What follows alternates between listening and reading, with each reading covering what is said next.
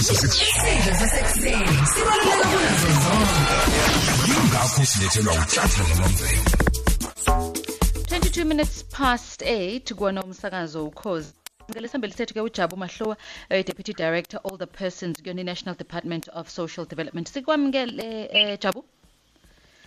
Eh ngiyabonga. Eh ithuba engithela sipha lona elibingelela aba abalaleli emakhaya.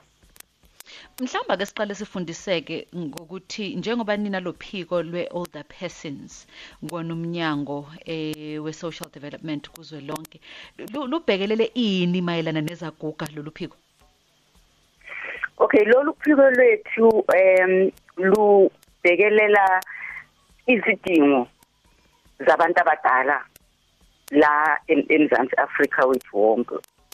Sibheke izinsiza ezimayelana mhlambe ezezimali le impesheni labayiholayo siphinde sibheke nemisebenzana mhlambe ogogo nomkhulu abangathanda ukuyenza. Mangithi ke mhlambe kuma community based care and support services abanye bawabiza ngokuthi ama club lama club kuyakhona ezindaweni eziningi.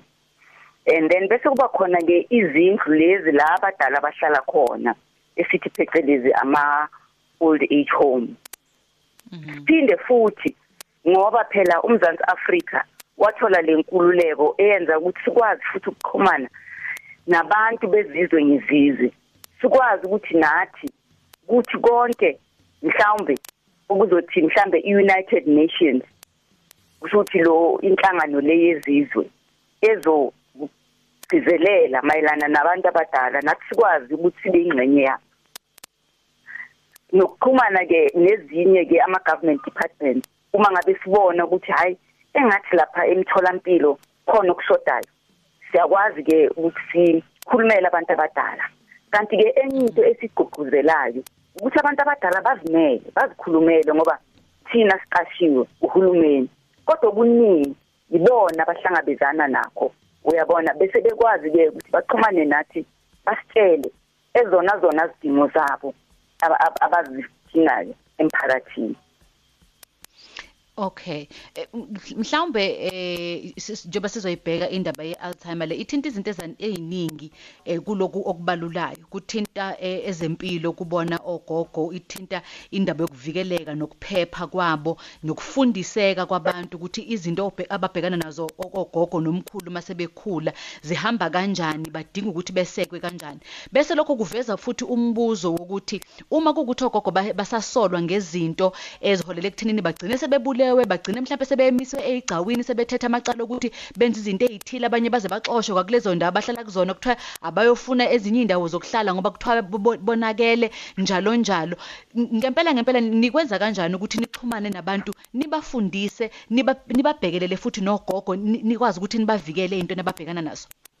Ya okokuqala nje kukhona imigomo ebekiwe eh ne- nemithetho uhulumeni ezenayo manithi ke lo obhekela abantu abadala ozokwenza lonke lohlelo silubalile kune umthetho wabantu abadala isibizwa ngokuthi Older Persons Act number 13 of 2006 lo mthetho ke yiwona osiphayo ke igunya noma izindlela zokuthi sixhumane nohulumeni kusho ukuthi whether kuseparlamente whether ama government departments emtholampilo njalo njalo. Kanti nabo ke abantu bethu laba abasiholayo abaholi bendabuko sinakho um- umthetho lo uyasho ukuthi uma ngabe uzofanele ukuthi u- u- implement ukuthi wenziwe kahle. Kufuneka bonke ubuholo buba khona eh, emphakathini. Lokubalula ke nobuholi bendabuko manithi ke udeputy minister wethu unkosazana ubuhupane Zulu bese qalile umkhankaso ukuthi akhulume nobuholi bendabuko eba ebabonisa ngakho konke mhlawumbi okungahambisani namalungelo abantu. Lokho ke nabantu abadala babaliwe lapho. Nathi sinakuxhumana nabo a- a- a- Department of Health mhlawumbe mhlawumbe nakhona kusap emaphoyiseni ezemvi ezokuvikela abantu. Nayo ujustice kusho ukuthi emacourt einkundleni uyabona lezi sintu sinakho ukuthi sikwazi ukukhuluma nabo sibachazele idingo ogogo abazishoyo kithi. Alright, uJabu Mhluwa oyi Deputy Director all the persons eh kunomnyango wezo eh wezo- wezomphakathi oyithambeli sethu namhlanje. Eh ake sizokwena ke mlaleli besikumemile ukuthi uthumele i-voice note. Sikhuluma ngayo i-World Alzheimer's Day. Nongcebo Mackenzie ukhuluma no-ME Ndwandwe ngwakwagodla Nkomo mina kwaceza nami ngiyakhala impela ngalesi sifo esihlasele ogogo esenza ukuthi beze begcine behlaseleka ngokuthi bayathakatha mina-ke okwenza ukuthi abantu ngikhale kangaka ukuthi abantu abafundisekile nongcebo ngalesi sifo. Ngoba siyabenza nabantu aba- nabantu abasebasha isifo kuthiwa isomnambulism. Lapho umuntu eyithola khona uma ephupha aphuphe avuka ahambe athi uyahamba kodwa ebe ethi elele ehambelele. Nogogo-ke ba- siyabahlasela-ke lesi sifo kuyekwe kudlalwa ngogogo bebulala sanibonani ekhosini sanibonani notata nonongcebo.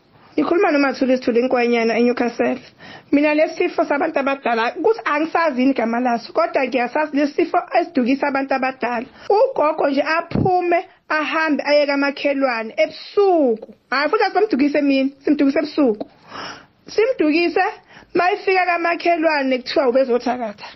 Cha umama samthatha yena lesifo ebusuku sayomlahla esibhedlela emadadeni ehospital samucinga samucinga samucinga kanti usesibhedlela Eh Jabu abalaleli ba- baphawula kanjalo ngabe mhlawumbe ni- ninayo ke im- imikhankaso yokuthi nibafundise abantu nje kushilo ukuthi nibambene nezinhlaka ezahlukahlukene ukulekelela ogogo nomkhulu ngeinsiza ezahlukahlukene. Eh ngabe mhlawumbe ke niyaphuma nemphakathini bafundiseka abantu? Phela ogogo nje beshilo ubhuti bayahlaselwa basolwe ngazo zonke izinto. Abanye kuthiwe nje ugogo nje ayike uyaxoshwa ke kule kule ndawo kulesi sigodi akahamba ayofuna enye indawo akathathe konke ngokwakhe uqala kanjani impilo entsha uno 76 uyokwakha kwezinye indawo uyofuna ne- i- i- indawo zonke lezo zinto ezibhlungu niyaphuma niye emphakathini nikwazi ukuthi nibafundise abantu nibalekelele nogogo abazithola bekulezo zimo? Eh mangisho nje nongcaba ukuthi siya- siyaphuma. Kodwa ke njengoba sebeshila abalaleli kusho ukuthi u- ulwazi afinyeleli kuzo zonke indawo uyayibona? Mhlambe kubalekile ukuthi sishintshe indlela mhlambe esi esifundisa ngayo umphakathi mhlawumbe size enhlelweni ezifana nazo lezi. Ikhona sizokwazi ukucebisa umphakathi ngaso lesifo sezinzwa eh, eh, esatholakala eh, esathola uMjalmani uAlzheimer. Kanti ke ziningi mhlambe odokotela abazitholayo izifo lezi e- ezikuhloka kwenqondo mangisho futhi ukuthi into esesiyibonile mhlawumbe siwuhulumeni ukuthi mhlawumbe sibhala izinto abantu abangazifuni. Uyayibona? Sinakho ukuthi si- si- si- sishicilele.